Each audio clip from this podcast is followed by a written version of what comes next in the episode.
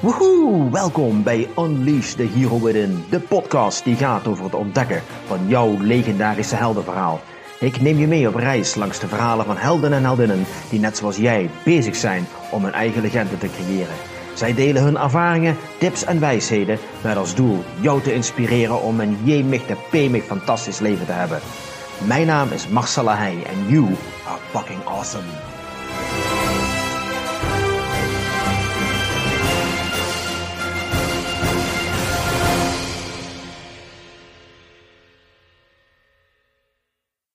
Hallo en welkom bij een nieuwe aflevering van Unleash the Hero Within.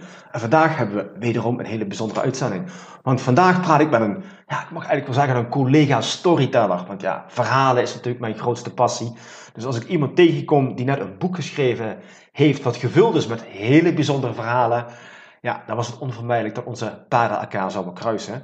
En vandaag praat ik met uh, Jackie van de Goor. Ik zit vandaag in, uh, in Eindhoven, de lichtstad.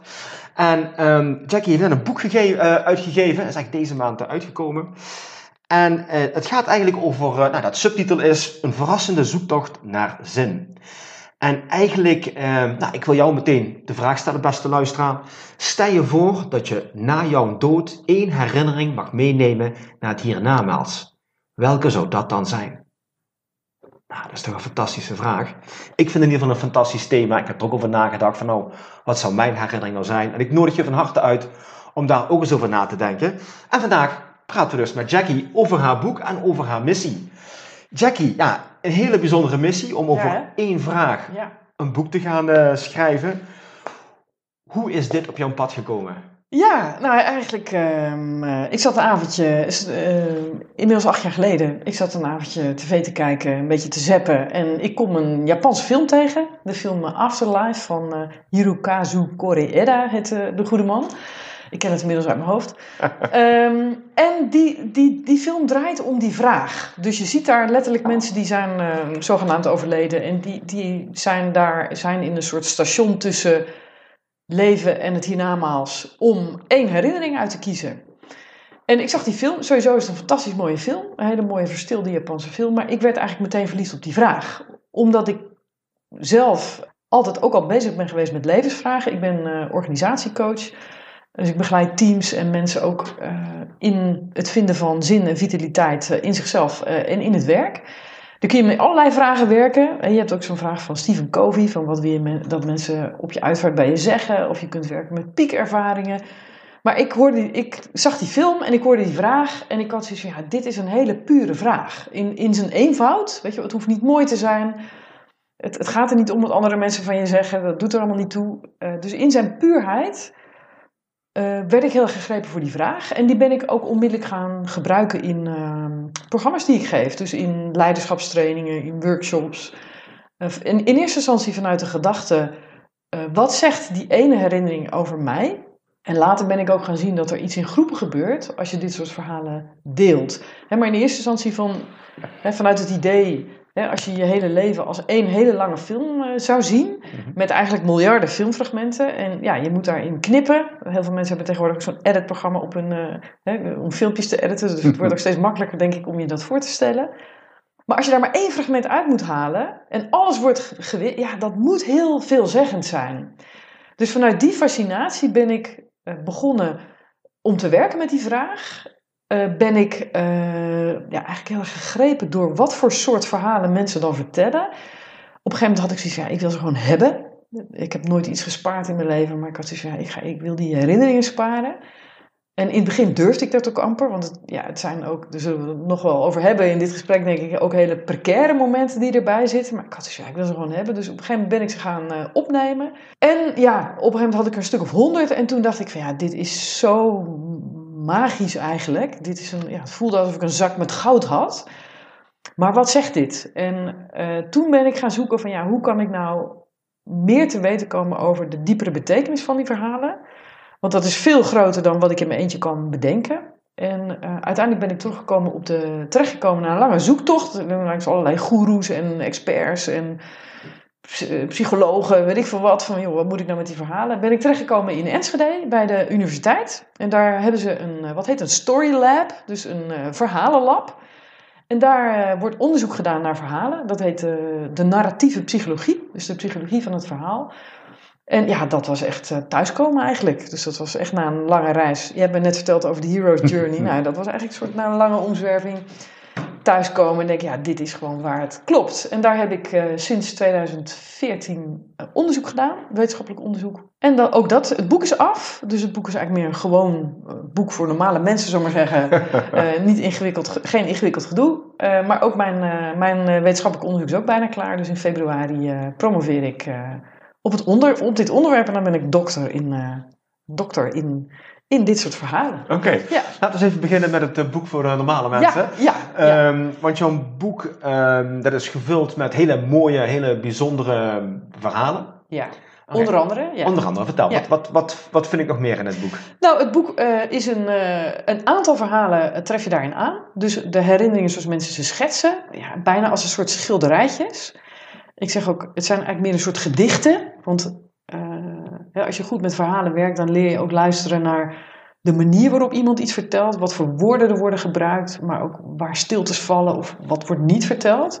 Dus je leest er verhalen in, maar je leest ook uh, ja, wat mijn onderzoek mij geleerd heeft over de betekenis voor dit soort momenten, maar ook eigenlijk over de betekenis van, uh, van zin. Want ik had zoiets, dit zijn, moeten hele zinvolle momenten zijn en die moeten heel veel vertellen over wat zingeving is en wat een zinvol leven is. En dus in het boek lees je ook, uh, ja, geclusterd in een aantal hoofdstukken, inzichten over ja, wat is zingeving en wat is het ook helemaal niet. Oké, okay, dat is natuurlijk hartstikke interessant. Ja. Van wat, is, wat is zingeving? Ja. Wat heb Nou, jij ontdekt? Nou, eigenlijk wat wel leuk is om mee te beginnen is van, nou, wat is het niet? Is dat als je al die verhalen op een hoop legt, ja, er is niet één verhaal over geld.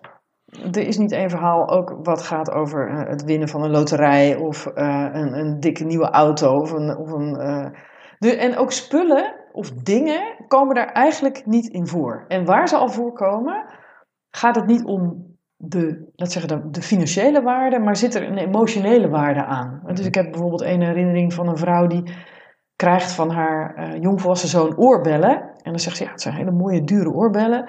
Maar het gaat niet om dat het zo chique oorbellen zijn. Maar het gaat erom dat zij een hele moeilijke tijd met hem heeft gehad. Ze heeft hem alleen opgevoed. Nou, dat is allemaal lastig geweest. En met die oorbellen, doordat hij haar die oorbellen geeft, voelt ze de erkenning voor haar rol in zijn leven. En voor het feit dat ze ja, het samen toch tot een goed einde hebben gebracht. En uh, ja, ik krijg kippenvel terwijl ik het vertel, merk ik. Maar, en dat zie je eigenlijk dat spullen en dingen hebben eigenlijk amper een rol. Ook succes. Ja, dan gaan we allemaal succesvol zijn. En uh, we laten ook op, op social media zien hoe succesvol en hoe goed we het allemaal hebben. Uh, maar succes, macht, status komen niet voor. Het woord succes komt niet voor in geen enkele herinnering. Dus wow. ook, hè, ook dat stuk, dat zit er niet in. En ja, ik vind het, dat vind ik dus ook heel mooi aan die verhalen. Dat het ook een soort spiegel is op het leven. Want ja, hoe verder zijn we ook niet bezig met nou, de Sinterklaastijd, wat wil ik hebben en wat heb ik nog niet. En, uh, maar, en maar ook succes. En uh, nou, ik heb een boek geschreven, ja, ergens wil ik natuurlijk ook dat het een succes wordt. Hmm. Maar in die verhalen gaat het daar niet om. En winnen, dat vind ik ook wel mooi, het gaat ook niet over winnen. Het gaat, en als het al gaat over winnen, gaat het alleen over jezelf overwinnen. Dus je eigen angsten overwinnen. Moed, moedig zijn, weet je wel. Maar niet, het, is nooit, gaat nooit over ik heb gewonnen van iemand anders en iemand anders heeft verloren. Dus, de, uh, dus dat vond ik ook een heel, hele mooie. Uh, ze gaan ook zelden over werk. Ik heb maar twee verhalen over werk. Nou, dat zet ook tot denken. En wat ik verder ook heel opvallend vond, is dat wat je misschien verwacht zijn dat mensen heel veel hoogtepunten kiezen. Huwelijken, geboortes, bijzondere reizen, dat soort dingen. Die zitten er ook een heleboel tussen. Maar er zitten ook hele doodgewone alledaagse verhalen tussen. Uh, iemand die het moment kiest dat hij routineus zijn kinderen in bed legt. Of het thuiskomen na een dag werken. Poffertjes bakken op de boerderij. Uh, en dus hele kleine... Ik merk ook, ik ga er ook rustiger van praten als ik daarover vertel. Hele kleine momenten. Dus het, is niet alleen, het leven is niet alleen een aaneenschakeling van piekervaringen en hoogtepunten. Mm. Maar de, de, de het is niet alleen groot en meeslepend, maar ook het, het kleine is, is meeslepend. En tot slot, wat mij in het begin heel erg verraste, was ook dat de helft van de mensen kiest een verhaal wat niet een gelukkig verhaal is. Dus niet een blij verhaal is. Er zijn heel veel verhalen, bijna de helft, die zich afspelen rondom ziekte, overlijden, crisis. Nou, wakker worden en uh, je realiseren dat je e-, als enige een ongeluk hebt overleefd. Uh, een, een, een, een, jongen die het moment kiest dat hij met zijn vriendengroep uh, een van zijn overleden vrienden de kist draagt bij de uitvaart. Dus er zitten ook heel veel van dat soort momenten in. En ja, dus dit is meer, hè, dit, is meer, wat ik nu even beschrijf, is waar gaan ze, hè, wat, mm zie je mhm. van de buitenkant van zo'n verhaal? Mm -hmm. En dat heeft mij heel erg getriggerd om ook echt dat onderzoek te doen. Maar hoe komt dat dan? En, en, en, waarom, wat is er dan zo bijzonder aan het gewone? En wat is er, waarom kies je in godsnaam iets afschuwelijks? Zoals zelfs mhm. ook, dat staat ook in het boek, uh, iemand die het overlijden van een kind kiest. waarom kies je het moment dat je kind overlijdt? Weet je, dus dat heftige momenten en negatieve ervaringen kunnen blijkbaar ook enorm betekenisvol zijn. En nou, dat, daar zit ook een spiegel op. Hè. We leven natuurlijk ook in een samenleving waar je altijd maar gelukkig moet zijn. En iedereen is mhm. bezig met geluk en geluk op het werk. En, maar ja, eigenlijk laat mijn onderzoek zien dat uh, het gaat helemaal niet over geluk. En, hmm. het gaat, en zin is iets heel anders dan geluk. Hmm, ja, dat is natuurlijk heel fijn om te horen. Want eigenlijk als ik je zo hoor dan denk ik van nou de dingen waar heel veel mensen zich zo druk over maken, mm werk, status, aanzien, bezit. Forget it. Forget it, inderdaad. Ja. Uh, dat is natuurlijk wel heel mooi om te zien. Je zegt, je hebt een hele hoop mensen uh, die die vraag gesteld. Mm heb je bepaalde doelgroepen onderzocht, bepaalde leeftijden, bepaalde... Ehm, maar niet, niet... In het begin ben ik eigenlijk at random gaan, eh, een beetje gewoon eh, organisch, ja, mhm. waar mijn pad me heen leidde. Mhm. Dus uh, in mijn werk als organisatiecoach werk ik vrij veel bij gemeentes. Dus ik heb gemeenteambtenaren, maar ik heb ook uh, leidinggevende. En op een gegeven moment ben ik wel nieuwsgierig geworden. Toen ben ik met daklozen gaan werken. Ik mhm. heb met vrouwen in een blijven mijn lijfhuis gewerkt. Ik ben op een gegeven moment op een festival gaan staan en met mensen, want ik laat mensen dan in groepen ook die herinneringen uitwisselen. Dus zodoende heb ik wel een vrij breed, palet, met studenten ook. Toen ik helemaal aan de universiteit zat, heb ik ook met internationale studenten gewerkt. Dus het is ondertussen die, die paar honderd die ik heb, is best een breed palet. Mhm, mhm. Ehm, maar ik heb niet heel doelgericht. Uh, dat is niet vanuit een vooropgezet plan uh, tot stand gekomen. En ik heb nog wel uh, nu, want het, is, het onderzoek is klaar, maar dat ik denk, oh ja, bijvoorbeeld, ik heb één verhaal van een non. Dat is wel leuk. Eén van de twee verhalen op het werk is van een non. Dat vind ik ook heel boeiend. Ja. Als je hebt een non, heeft echt haar werk als roeping. Haar hele leven is werk. En je hebt ook van die nonnen die die sluiten zichzelf hun hele leven, of dat doen eh, monniken trouwens ook, en die sluiten zich hun hele leven op in een klooster. Ik dacht van, wat zouden die kiezen? Want hun palet is veel smaller. Mhm. Maar ook cultuurverschillen. Eh, ik heb ook wel wat uh, verhalen van moslims en christenen expliciet. Uh, dus dat, dat je ook een beetje variatie, maar nou ja, daar zit nog heel veel. nou, als ik, als ik vrij mag dromen, dan zou ik daar nog wel die breedte nog wel meer op willen zoeken. Mhm. Hoewel ergens ik eigenlijk al weet en dat laat mijn onderzoek ook gedeeltelijk al zien dat op een onderlaag gaat het altijd wel over hetzelfde. Oké, en wat is hetzelfde? En hetzelfde is eigenlijk in één woord de verbinding. De, hmm. het, het, eh, en, da, en dat, ik had het net over geluk en zin. Hè, en waar geluk, dat hangt ook vanaf hoe je dat definieert. Je geluk kunt zeggen, ja, dat gaat over mezelf en over voel ik me prettig en genot. En nou, heb ik mooie kleren, of heb ik een lekker kopje koffie, of heb ik een mooi huis. En, hè, mhm. dat, dus dat gaat ook over, dat is vaak heel zintuigelijk. Gaat zin veel meer over jezelf onderdeel voelen van iets groters. Dus over je verbonden voelen. En dat is wel mooi, dat al die verhalen zijn anders. Zelfs de verhalen van geboorte zijn totaal anders. Maar op een diepere laag zijn ze hetzelfde. En dan gaat het over verbinding. Verbinding heel vaak met andere mensen. Eh, een diepe verbinding voelen met, met je pasgeboren kind of met je partner, maar ook met vreemden. Uh, in mijn eigen herinnering uh, ben ik aan het spelen met bedelende kinderen in India en komen we in een soort flow, in een soort spel terecht waarin alles verdwijnt en we compleet helemaal opgaan in elkaar. Dus, dus daar, die verbinding met andere mensen. Het kan ook met de natuur zijn. Ik heb ook vrij veel herinneringen die zich afspelen. Dan zijn mensen juist alleen vaak. En die zich enorm overweldigd voelde door de natuur. En, en waar wij zeker in ons westerse leven, denk ik, vaak een toekijker zijn in die natuur. We maken er geen deel meer van uit. Zijn dat momenten waarin mensen zich wel in een deel uitvoelen van ja, ook de cyclus van het leven en uh, ja, van, de, van die natuur. En tot slot zijn er verhalen van mensen die zeggen van ja, ik voel me onderdeel van iets, ja, iets heel groots, iets heel ja, mystieks. En, en dan zie je dat afhankelijk van de achtergrond van die persoon. Sommige mensen zeggen, ja, ik, ik weet niet hoe ik dat moet noemen, maar het is iets heel groots. En uh, nou, mensen met een religieuze achtergrond, die noemen, dat, die noemen dat God. Maar dat is wat je in essentie ziet. En dat via die verbinding met andere mensen, met de natuur of met dat grote, voelen ze ook een hele sterke verbinding met zichzelf. En dat vond ik in het begin heel paradoxaal. Ik denk, ja, dus eigenlijk in die verhalen gaat het om iets anders, maar via die ander word ik eigenlijk gespiegeld op wie ik ben. Dus ik zie wie ik ben. Vanuit de, in de ontmoeting met de ander of het andere ontmoet ik eigenlijk ook mezelf. Oké, en is die, die ontmoeting, zit daar altijd een stukje kwetsbaarheid in? Want vaak, als ik die verhalen zo hoor, dan ja, een, stukje, e- een stukje, heel veel emotie mm zit er eigenlijk ja, in. Ja, klopt. Het is heel emotioneel geladen. Ja. En vaak gaat emotie wel gepaard met kwetsbaarheid, hè, als je emoties laat zien. Ja. Zou het kunnen zijn dat juist die kwetsbaarheid, het tonen van die kwetsbaarheid, zorgt voor die verbinding en dat dat zorgt voor dat, laten we het even een magisch moment noemen? Ja, en dan weet, weet ik niet wat oorzaak en gevolg is. Um, want ik, er zijn ook verhalen, denk ik, waarin mensen plotseling in een situatie komen wat hun zo raakt. Dat, dat, moet, dat moet je wel emotioneren.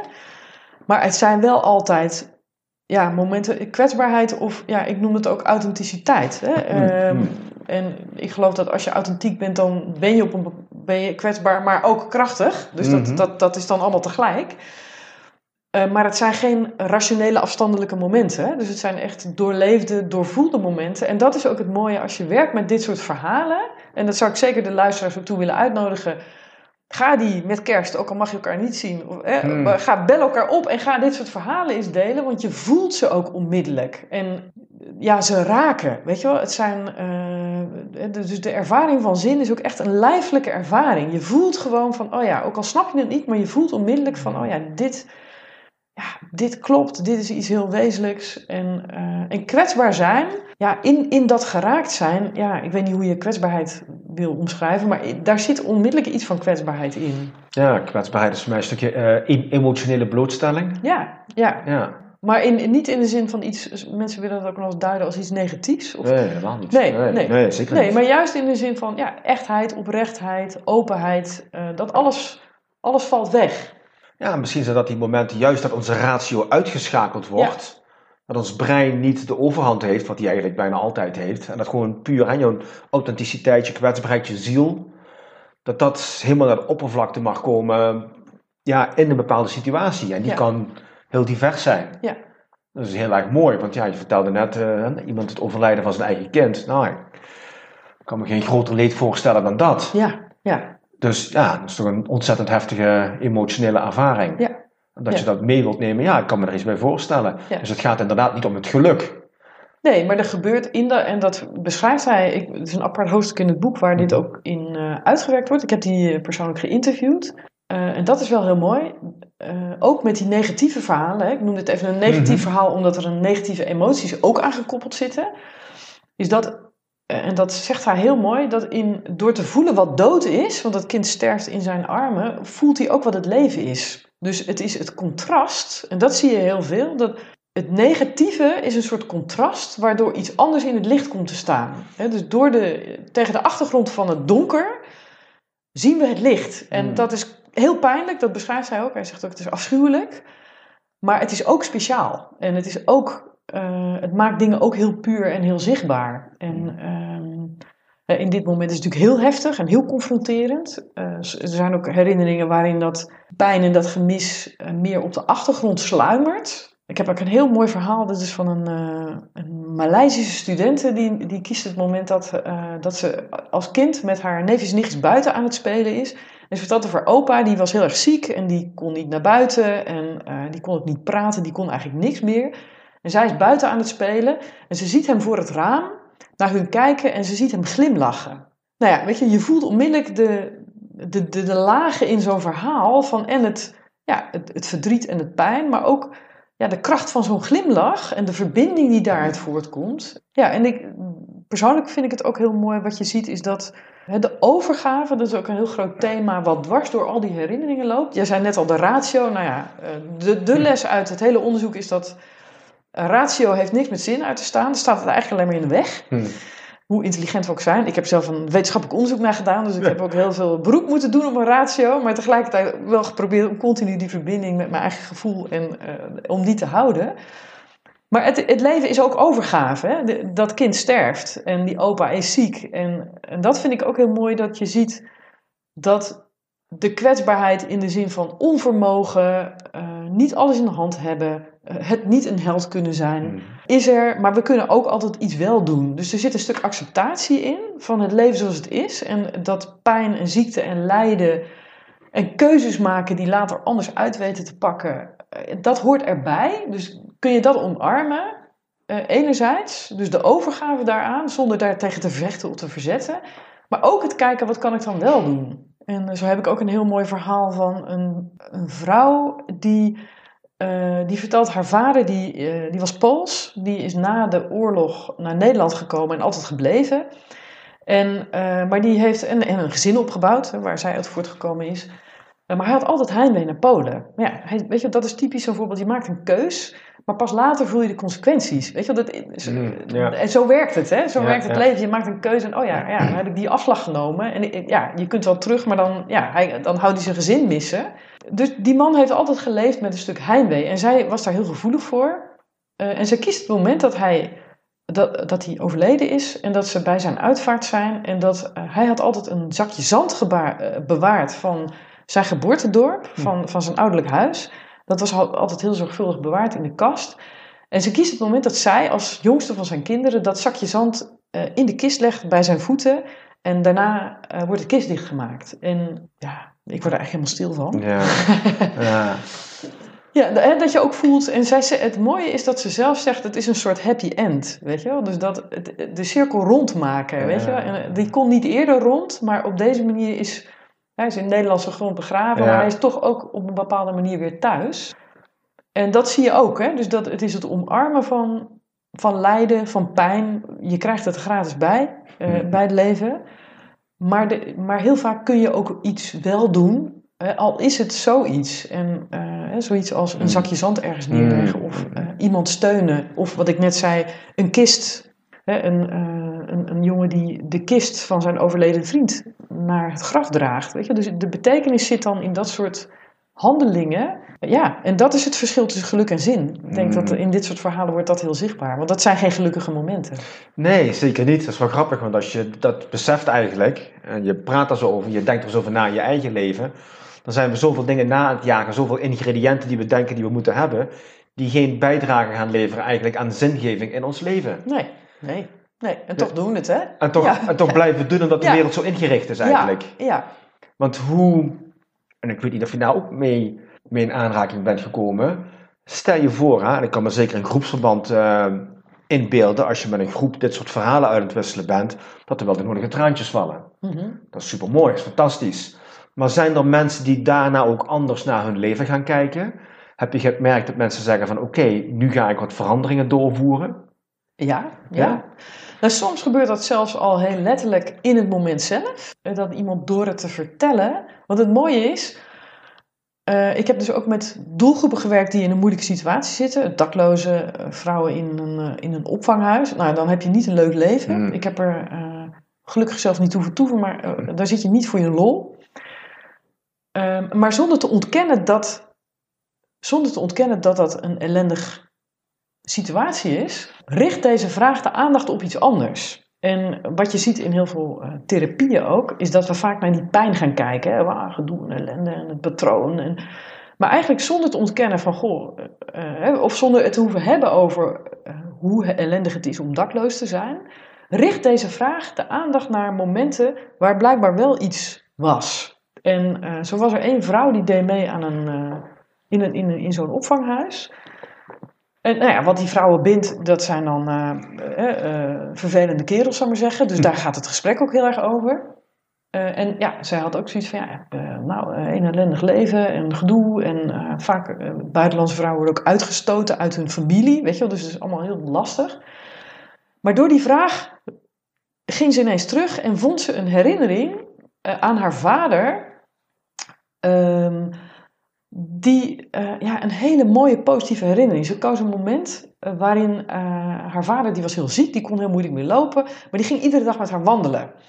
En terwijl zij wist dat hij dan pijn had, nee, we gaan wandelen. En tijdens het wandelen maakte hij altijd grapjes. En dus dat door, ondanks de pijn en dwars door die pijn heen, ging hij dat doen. En, en zij, zij vertelde dat moment. En in één keer kwam er ook overheen van, ja, maar wacht eens, ik heb het wel gehad. En ik ben enorm, ik heb wel liefde gehad. En voelde ze ook de, eigenlijk de empowerment die vanuit dat moment kwam. De aanmoediging van haar vader. En dus daar gebeurde het ter plekke mm. dat ze zelf ook zei van, hé, hey, uh, mijn perspectief op mijn leven verandert. Want in die film van je leven met die miljarden fragmenten, ja, je vergeet er een heleboel. Zeker, ja. Dus die vraag richt je ook op hele cruciale momenten.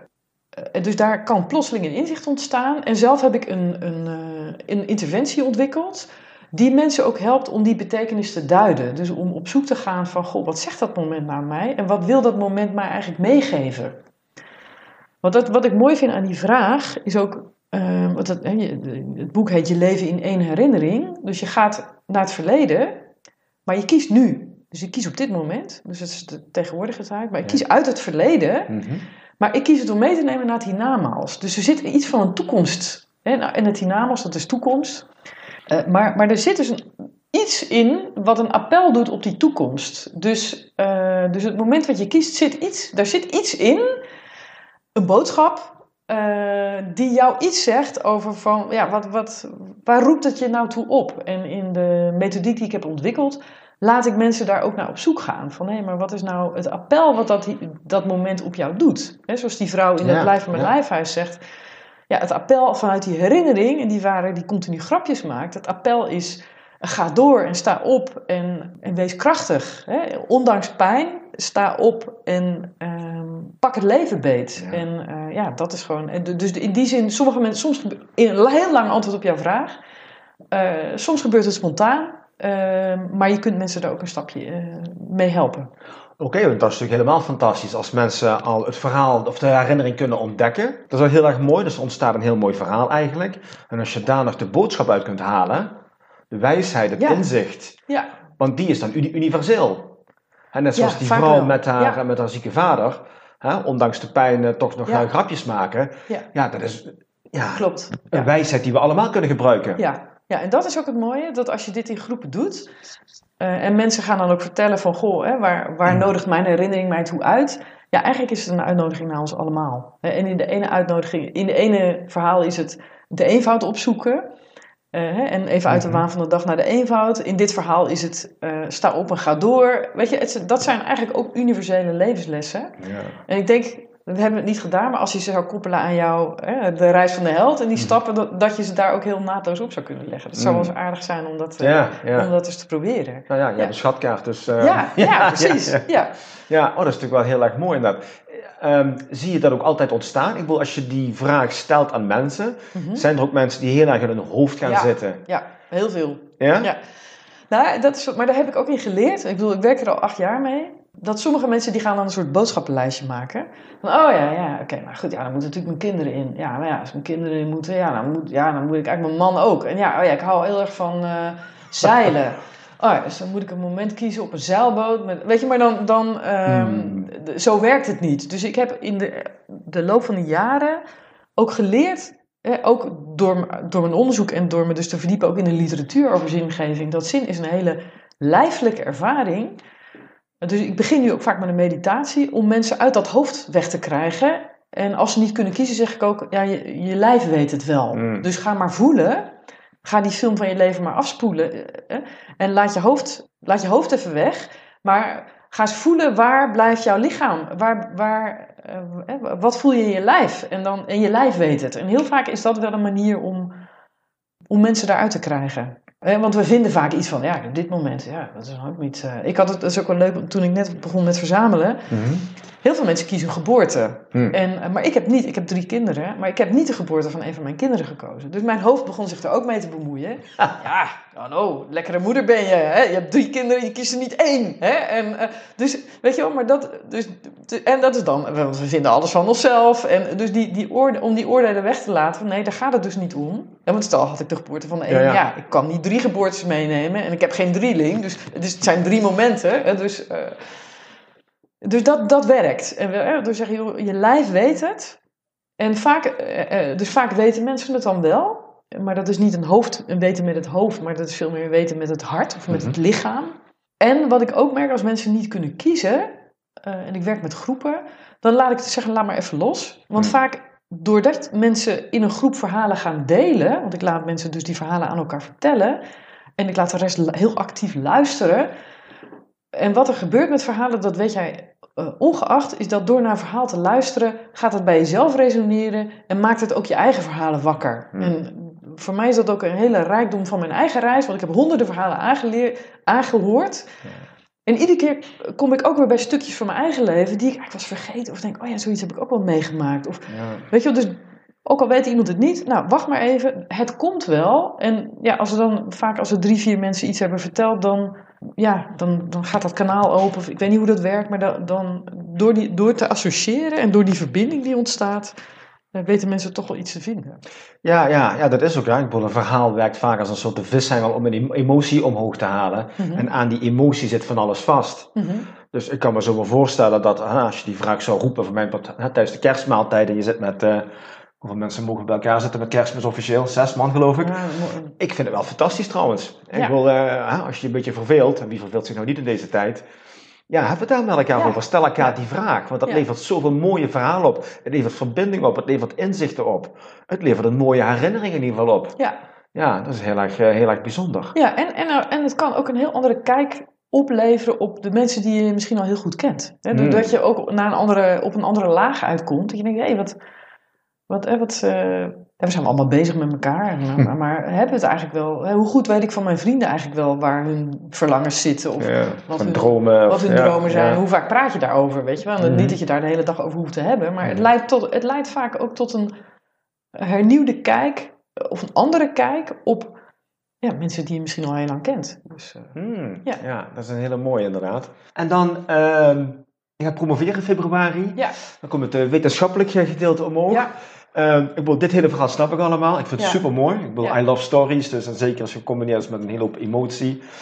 Hoe ga je hier wetenschappelijk onderzoek eh, naar doen? Neem ons even mee in dat proces. Nou, dat, zijn, dat is stapje voor stapje gebeurd.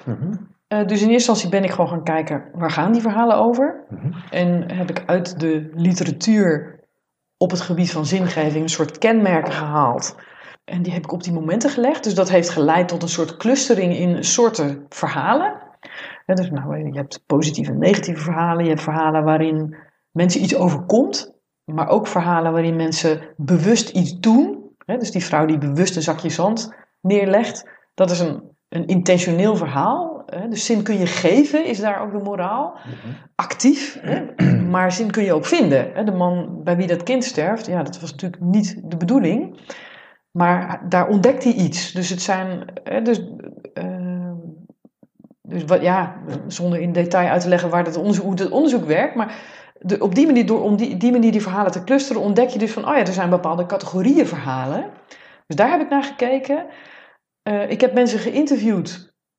Een aantal mensen heb ik diepte-interviews gedaan over hun herinnering. Eh, van, goh, waarom wordt zo'n moment nou zinvol? Want ja, ik kan dat wel Mhm. vertellen. Dus wat heeft dat ook gedaan met jou in je leven? Dus wat doet zo'n ervaring? Is het, wat is het meer dan even een mooi moment en la la la, we gaan weer door met het leven? Nou, dat levert ook heel veel inzicht op. Ook als zingeving als een proces, wat een heel natuurlijk iets is. eh, waar ook dat zin vinden en zin geven in voorkomt. Dus eigenlijk, het, je stelt je open voor iets. Er gebeurt iets. Eh, vaak wat je niet verwacht. Maar wel iets wat je perspectief verruimt. Eh, en, en dat leidt tot... Ja, dat geeft richting. En, en van, ja, dat leidt ook vaak tot een, een besef van... Hé, hey, maar ik heb een keuze te maken of ik heb iets te doen. Dus zin vinden leidt tot zin geven. Ja. Dus dat heb, door diepte-interviews te houden heb ik dat gedaan. En in het laatste gedeelte van mijn onderzoek ben ik vooral gaan kijken naar... wat gebeurt er nou tussen mensen als je deze verhalen deelt? Want ik kan heel erg kijken naar mijn herinnering is van mij. Wat zegt hij over mij? Wat leer ik van mijn herinnering? Ehm, en, wat, en in mijn onderzoek heb ik ook gekeken... wat zeggen al die herinneringen dan samen over wat zingeving is en hoe het werkt. Maar het mooie is, er gebeurt iets tussen mensen als je die verhalen deelt. En daar heb ik, dus wat ik gedaan heb, ik heb, ik heb een, eh, een, een workshop gegeven met acht deelnemers.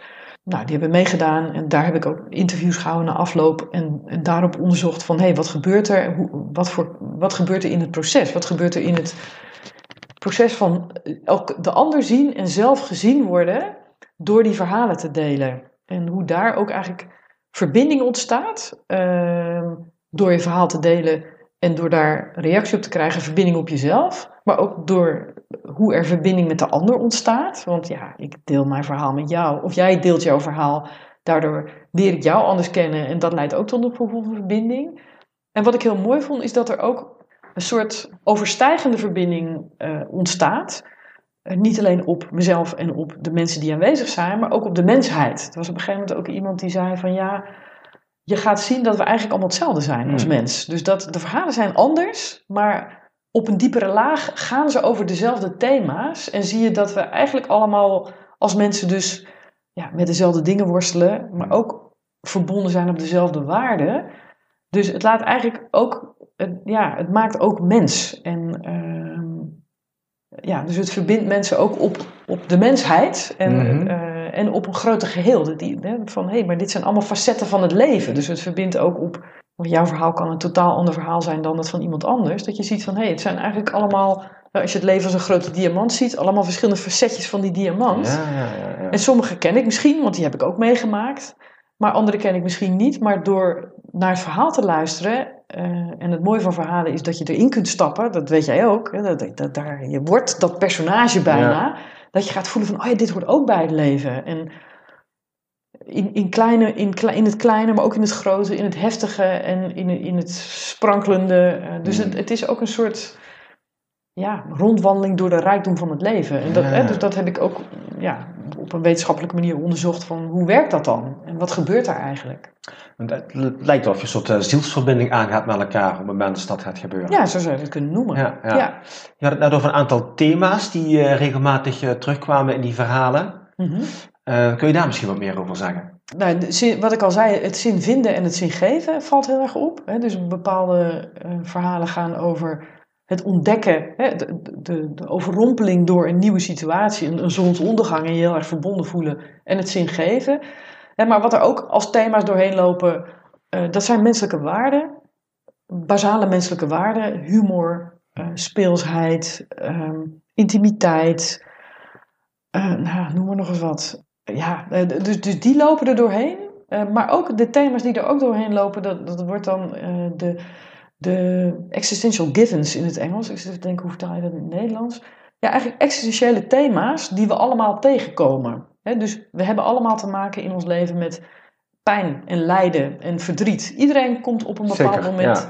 we kunnen het proberen weg te organiseren. We, leven ook in een tijd waarin we allemaal blij willen zijn en gelukkig. Dus Mm. pijn willen we niet aangaan. En Mhm. maar ook de omarming van pijn en van lijden als een wezenlijk verrijkend deel van het leven, dat zit ook in die verhalen. Mm. En eh, dus, dus dat zie je ook als je dus dit soort verhalen deelt. En als je mijn boek leest, dan lees je ze, dan krijg je ze op die manier eh, binnen. Mhm. Dat je ziet van ja, dat hoort erbij. En ook die man die dus, eh, wat, wat ik zei, die Poolse man die een keus maakt, maar daarna zijn leven lang moet leven met de pijn van die consequenties. En dan kun je zeggen, ja, stom, had hij maar in Polen moeten blijven. Nee, dat was niet. eh, Mm. Zo werkt het leven. Je, je maakt een keus en ja, dat, dat kan zoveel jaar later eh, heel anders uitgepakt, uit blijken te pakken. Mhm. Dus we hebben allemaal, dus het is ook de omarming van kwetsbaarheid, van ambiguïteit. ehm, en eh, ja, door die herinneringen te delen ga je ook voelen van ja, dat, dat hoort er dus allemaal bij. En dat, dat is niet blij en niet, dat maakt misschien niet gelukkig, maar dat maakt het, wel, het leven wel dieper en daar zit ook zin in. En Ja, ja. De, de volheid van het leven zit Ja, ook in het aangaan. Rijker. Het maakt het rijker. Ja, ja, ja. ja. Nou ja, dat is natuurlijk wel, hè. We zijn natuurlijk, ja, we zijn hier een beetje opgevoed van als je pijn hebt, eh, vluchten. Ja, een is pilletje. Een pilletje en plus Ja. is voldoende afleiding. Ja. ga maar lekker God nog weten wat je Ja, allemaal wil doen. Netflixen. Socia- Netflix, social media, eetverslaving, eh, bedenk het maar. Ja, Dus wegrennen van die pijn is iets wat Heel eigenlijk ja, heel erg eh, natuurlijk is. ja, Toch? Maar jij bent eigenlijk tegengekomen dat juist als je die pijn gaat omarmen, doorleven, klopt. gaat voelen, dan brengt je dat eigenlijk veel meer. Ja. Het lijkt wel of je die pijn moet ervaren ten volste moet ervaren, om aan de andere kant eruit te komen en te ontdekken wat die pijn eigenlijk misschien een soort uh, geschenk is geweest. Ja. ja, dat is ook heel mooi. Die man uh, van wie dat kind overlijdt, die zegt ook: Het is een levensverrijkende ervaring hm. die ik niemand toewens. En het paradoxale daarin, hè, van het is fantastisch en het is verschrikkelijk tegelijkertijd, ja, dat is waar het over gaat. Maar, en, en, en dat is wat jij net zegt, dat is ook het thema overgave. En we kunnen allemaal wat dingen willen en we willen plannen en je kunt een, purpose hebben en een richting in je leven, maar tegelijkertijd is er altijd de overgave. Want zelfs al wil je iets bereiken, je kunt het niet plannen. Maar kijk, kijk corona, we hadden net een verhaal, wat doet corona met hoe wij nu leven? Ja. Dan kun je nog zoveel uh, plannen en uh, organiseren, maar uh, je hebt je daaraan over te geven en pas dan kom je verder. En dat vind ik ook heel mooi, dat, dat ja, het is niet het makkelijkste stuk, maar het is wel het, het echte leven. En dat is wel waar het en, en, daarom, en dat, vind ik, dat maakt ook heel scherp. Dat is het verschil tussen geluk en zin. En dat maakt ook het leven dieper en rijker door het aan te gaan. Ja, ja, je overgeven, dat zijn we helemaal niet gewend hier. Hè? We zijn vooral allemaal control freaks, we willen alles in handen hebben. Alles moet gaan zoals wij dat plannen. Ja, je kunt ook studeren, hè? planning en control. ja. inderdaad, ook nog inderdaad. Dus ja, je overgeven aan het leven. Ben je veel tegen gekomen in jouw verhalen?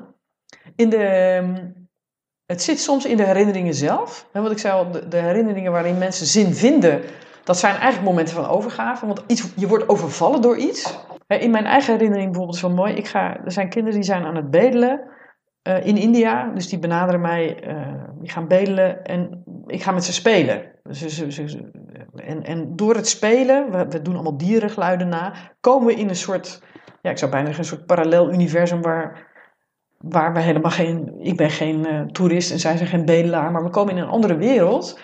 En uiteindelijk, als we afscheid nemen, dan rennen ze. Ach, ik zit in een bus en die bus rijdt weg en ze rennen achter me na en ze, ze roepen me na: Mama, mama. Hmm. En weet je, ik doe wel iets, maar ik, ik, ik, heb al, weet ik veel, ik heb dat niet intentioneel gedaan. Maar de overgave zit hem daar ook in.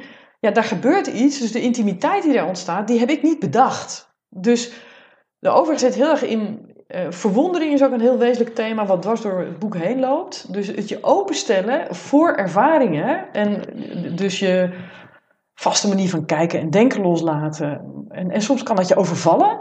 Hè, van wow, hè, er gebeurt me nu iets, dat heb ik nog nooit meegemaakt. Iets heel heftigs, maar ook iets heel positiefs. Ik heb ook een man die kiest het moment dat hij uh, een olifant in de ogen kijkt. En een enorm. Daar, daar gebeurt iets, weet je wel, dat, dat bedenk je niet. Hm. Dus daarin zit overgave, maar ook in de interviews die ik heb gehouden met mensen over die herinnering, dus, uh, dus die diepte-interviews, zie je dat dat een thema is. Dat mensen zeggen van ja, ik, ik heb vaak volgt uit zo'n ervaring ook wel een soort levensdoel, maar dat is niet een, een doel wat je gaat plannen en organiseren, maar dat is ook vaak heel erg het loslaten van allerlei overtuigingen en ratio en het. Dus het is eigenlijk het moedig voorwaarts gaan en hmm. een richting volgen maar daarbij wel open blijven staan voor alles wat zich aandient en daar niet kunstmatig grip op proberen te houden. Ik weet niet of dat duidelijk genoeg is. Ja, een stukje vrijheid is dat, hè? Als je zo kunt leven. Ik bedoel, ik denk dat er misschien zou het kunnen zijn dat er best wel veel mensen zo zouden willen leven, meer zou zouden willen leven. Ja, heel veel mensen hebben natuurlijk een redelijk vol een druk leven. Dus alles is al gepland. Je overgeven aan het leven en alles op zich aan laten komen, ook daar moet er een ruimte voor zijn. Want als jij alleen maar van hop naar haar aan het rennen bent omdat je van alles moet doen, dan is de kans dat je een situatie tegenkomt waarin je met volle overgave alles aan het toeval kunt overlaten, wordt ook kleiner. Nou, het zijn twee dingen, denk ik. Dat de drukte en de hectiek van het leven en het feit dat we alles plannen, maakt dat je eigenlijk amper meer open staat. Dus die verwondering komt ook voort uit uh, ja, daar niet mee bezig zijn. Mm uh, maar een stuk heeft het ook de overgave in. ik ga weg en ik wil iets, maar ik laat ook los. En uh, dat, dat is ook heel gekoppeld aan angst en het verlies van controle. Van, mm. dus we willen daar grip op houden. Maar ja, waar gaat dat dan naartoe? Ik heb dat zelf met mijn onderzoek gehad. Ja, ik doe dat onderzoek, maar ik, ik, ik uh, doe dat volledig onbetaald. Dus ik sta niet op de payroll van de universiteit. Daar heb ik wel mijn eigen bedrijf nog naast. Maar ik heb heel veel tijd in dat onderzoek zitten. Ja, waar gaat het naartoe? dus, dus ik ben daar hmm. zelf ook die angst in. Terwijl ik heel erg voelde van, ja, dit moet ik echt doen. Ik heb daar eigenlijk helemaal niet eens een keuze in. Weet je wel, dat, het is zo, ik was zo gegrepen door dit onderwerp. Van ja, ik kon niet anders. Maar tegelijkertijd ook al van, ja, en nu dan? En waar gaat het dan heen? En wat laat ik dan achter? En, eh, dus dus het, het triggert ook. ehm, ja, we hebben nou toch eenmaal de neiging. Ik denk dat is heel- iets heel natuurlijks. Om, om dingen vast te willen houden. En, en grip Mm. te willen houden. En ja, te willen weten waar we aan toe zijn. Dus het, het- die kant zit er ook in. in het, ja, je, ik zeg ook, je kunt je te verzekeren tegen alles. Hè? Je, kunt- Mm. je hebt zelfs een slecht weerverzekering. Ja, ja, ja, ja, ja. ja. Kun- je, we verzekeren ons overal tegen. Ik denk, Ja. ja. jongens, daar gaat het dus helemaal niet om. Weet je wel? Dat, dat, eh, Ja, maar is dat ook niet iets wat, wat ons brein eigenlijk regelt? Hè? Ons behoeden voor gevaar? ja, dat is natuurlijk iets. Ja, dus- dat is ja. natuurlijk iets, ja. Ja, ja. Ja. Dus dat loslaten gaat eigenlijk een beetje tegen ons, ja, niet het instinct, maar tegen onze, alles wat we kennen en weten in. Ja, en- misschien wel, wel instinctief eigenlijk. Ja, hoewel ik ook wel geloof dat wij in onze wereld daar heel erg, dat we dat ook heel erg geïnstitutionaliseerd hebben. Mhm, de- mhm. eh, we hebben wel, iedere organisatie heeft een afdeling planning en control, Hm. maar we hebben geen afdeling verwondering en overgave. Hè, eh, Dat is een goed man. en ik denk, ja, waarom? Terwijl dat, dat eigenlijk wezenlijker is voor de ervaring van zin eh, dan, dan control. Dus er zit, de- ja, Ja, ja. de- het is ook wel hoe we leven en ehm, Ik vind het wel een mooie. Eigenlijk zouden we moeten leren hoe we meer kunnen, kunnen loslaten. Ja, Hoe we ja. meer met overgave kunnen Ja. leven. Hoe we meer verwondering kunnen toelaten in ons leven. Zodat we juist toegang gaan krijgen tot die momenten. Waarbij we als we straks vragen van welke herinnering zou je mee wi- willen nemen. Dat je zo, zo uit je mouw schudt eigenlijk. ja, Ja, dat zou wel fijn zijn. Hey, je hebt al een paar keer eh, over jouw mooiste herinnering ge- eh, gehad door in. India. Wat maakte die herinnering voor jou zo bijzonder? Ja, in het moment zelf. Het, en het grappige is, ik heb, ja, ik heb dat toen wel als bijzonder ervaren, maar jarenlang niet meer aan gedacht. Want dit is in 1995 geweest, dus nou ja, kun je nagaan, dat is 25 jaar geleden. Maar door die vraag plopte dat moment weer op. Ja, in dat moment, ja, wat ik net zei, ik gebruik dan het woord een soort parallele realiteit. Weet je wel, dus ik heb ook heel erg eh, zoiets van, ja, er is niet één wereld. Hè? Maar het is maar net hoe je er naar kijkt. En die kinderen deden een appel. Hè, zij waren bedelaar en ik was de rijke toerist. Eh, maar uiteindelijk waren we aan het blaffen en aan het miauwen en waren we dieren. Dus het is maar net welke keus je maakt en ehm, in hoe je met elkaar omgaat. En, eh, maar in dat spelen ontstaat de verbinding, ontstaat het contact. En, en waren we compleet, hè, we verstonden elkaars taal niet, maar in, in, in, in- toen we poesjes waren, verstonden we elkaar volkomen. Weet je wel, dus die, ja, ik heb altijd zelf wel iets met magie en met eh, eh, fantasie ook, want dit gaat ook over fantasie en, en fantaseren. Er staat ook een hoofdstukje in mijn boek over de, de waarde van fantasie in het ervaren van zin. Ja, dit was zo'n moment. Wat ook zo, eh, ik had het niet bedacht, het gebeurde. Eh, en ja, dus, dus als ik aan terugdenk, ik, en ik voel dat weer, dan, dan- ja, eh, hoe dat, hoe dat werkt. En, ehm, en dat ben ik later ook door mijn onderzoek ook weer diepere lagen in dat verhaal gaan zien. Van, oh ja, ik voel me heel erg verbonden met die kinderen. Maar wat ik ook heel mooi vind, ik ben op een gegeven moment in mijn onderzoek de filosoof Martin Buber tegengekomen. Dat is een Duitse, eh, Joodse godsdienstfilosoof. En die zegt, ja, je hebt eigenlijk twee manieren om in het leven te staan. En de, enige, de ene manier is, dat noemt hij de ik-het-verbinding. En ik-het wil zeggen dat eh, ik ben een apart van jou. En eh, ik maak wel contact met jou, maar op zo'n manier dat ik, eh, ja, ik kijk naar jou en ik heb misschien iets van je nodig. Dus ik wil iets van jou. Het is heel functioneel. Of ik vind iets van jou, of ik vind, ik vind die blouse mooi of lelijk. Of ik... Dus dan staan we los van elkaar. Maar je hebt ook nog de ik-jij-verbinding. En dat is een, een, een vorm van verbinding waarin we eigenlijk opgaan in elkaar. En waarin ik mezelf blijf, maar me toch heel erg in jouw situatie kan verplaatsen. En eh, dat is een totaal andere vorm van contact. En misschien kun je het zelf ervaren. Ja, empathie. Het, ja, het is empathie, is een ander woord voor.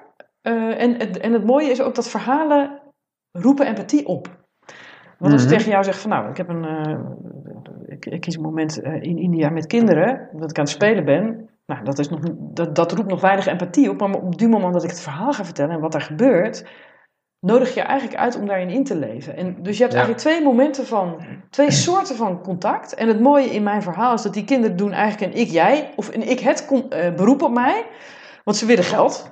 Ehm, maar ik geef ze iets heel anders, zonder dat ik dat in de gaten heb. Dus er ontstaat een ik-jij-verbinding. Dus echt een hele empathische, authentieke verbinding. En niet wat aanvankelijk de bedoeling was. En, eh, dus dat heeft mij ook heel veel laten zien.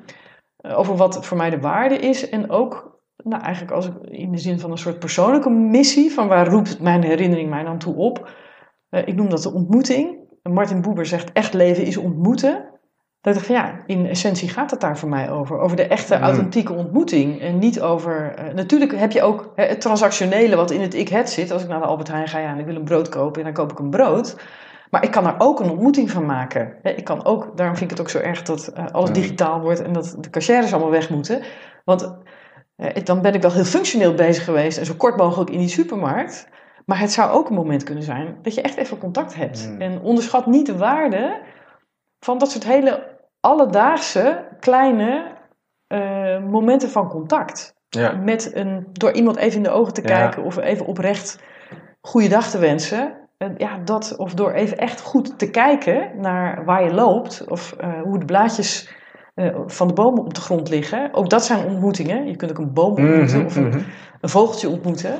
Ja, dus dat is wel wat ik, steeds, wat ik gaandeweg mijn proces ben gaan zien. van, Ah ja, maar dat, dat is eigenlijk waar dat, wat mijn einde, wat dat kleine momentje van mij 25 jaar geleden eh, allemaal te vertellen heeft. Ja, ik denk dat we nou zelfs in een tijdperk terecht zijn gekomen waarbij we allemaal ervaren hoe belangrijk menselijk contact is, Ja. opdat het ons afgenomen Ja. wordt. Ja, Ik denk dat we allemaal over eens zijn dat dat geen fijne tijd is. Ja. En dat we het allemaal missen. Ja.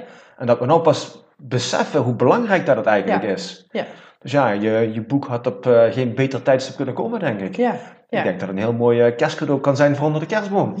Ja, nee, maar absoluut. ja, Ik wil dat we weer eens mogen ervaren en misschien er dan op een andere manier mee omgaan. Dus we kunnen wel regeltjes opleggen van wat wel en niet mag, maar we hebben altijd nog een vrije mind om te doen wat wij achter wat het beste Ja. is voor onszelf. Ja. Maken altijd nog dezelfde keuzes. ja. Nee, dat is het. Hè. En ook al is iets een transactie, of een, hè, ook al koop ik een brood, ik kan zelf ook kiezen om er een ontmoeting van te maken. Ja. En, en dus, dus het, het, het echt ontmoeten van de ander of het andere, met aandacht daar zijn, Ja. zonder een vooropgezet doel. Nou, Want we zijn zo bezig met dingen efficiënt doen, hmm. eh, planmatig doen. Ehm, ja, maar goed, ik heb veel meer voldoening na een dag waarin ik eh, een paar mooie ontmoetingen heb Ja. gehad. Of eh, even eh, heb gezien hoe mooi het buiten is. Of hoe hard het regent. Of dan een dag waar ik heel veel heb afgevinkt Ja, van ja. to-do-lijst. ja. En alle boodschappen heb gehaald. En zonder dat ik dat... dan, het verschil tussen geleefd worden en geleefd hebben. Ja, En, ja, ja, ja. Dat is een ja, ja, ja, En, het, en wat jij zegt, ja, dat is wel wat corona laat zien. Van, van ja, als bepaalde natuurlijke ontmoetingsmomenten wegvallen. Ja, oh. Ja, dus ik hoop ook dat nu veel meer het besef indaalt van ja, maar dit is wel eigenlijk waar het in essentie om gaat. Dus als je het hebt over zin, dat heeft dus niks te maken met geluk of met eh, mooie spullen of eh, weet ik veel wat. Maar het Ja. gaat over die ontmoeting en die verbinding. Ja, ja. Ik kan me trouwens ook wel voorstellen dat eh, herinneringen, de keuze van die herinnering, specifieke herinnering, verandert in de loop van jouw leven. Mhm. Ja, een jong iemand heeft nog pas een Ja. kort stukje historie gehad. Ja. En als je iemand gaat interviewen die 80 is, ja, die heeft natuurlijk een heel vol leven Ja. gehad. Ja. Eh, ben je al mensen tegengekomen die eh, hun herinnering hebben aangepast, als het ware? Eh, nou, ik, de meeste mensen, of eigenlijk bijna allemaal die mee hebben gedaan, die heb ik maar één keer gezien. Oké. Eh, ik heb één keer iemand gehad die inderdaad eh, meedeed, of nee, een paar keer, die, die twee keer meededen en later een ander moment kozen.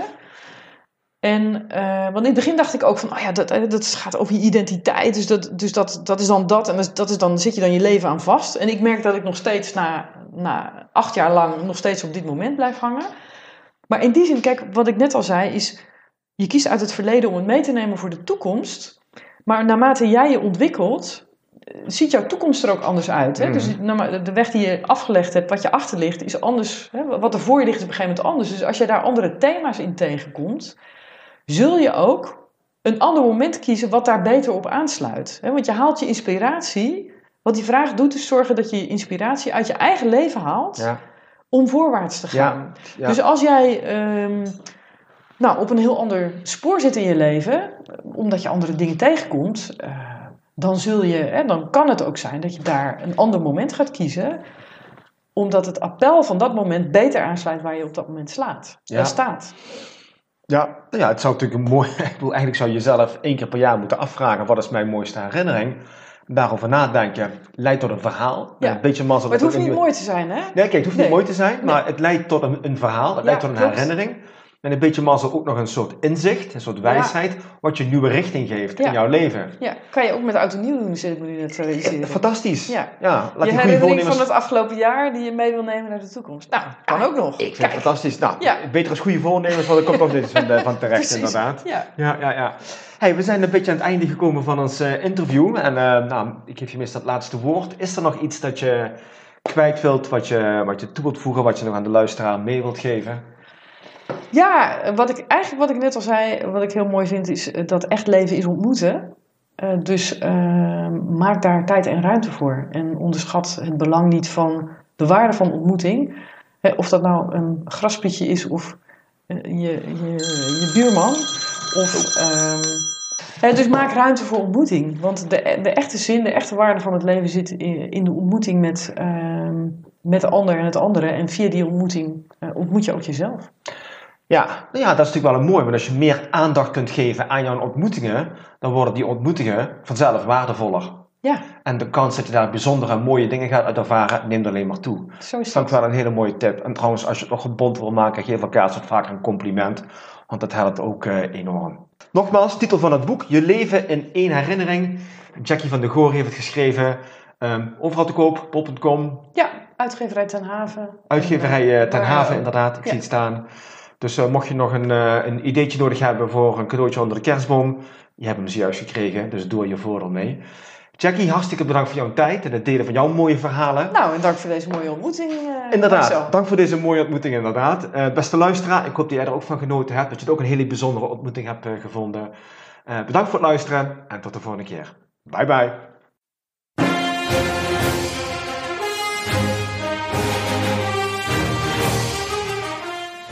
Ik hoop dat je net zoals mij weer hebt genoten van de mooie verhalen van mijn gast en er hopelijk iets aan hebt gehad.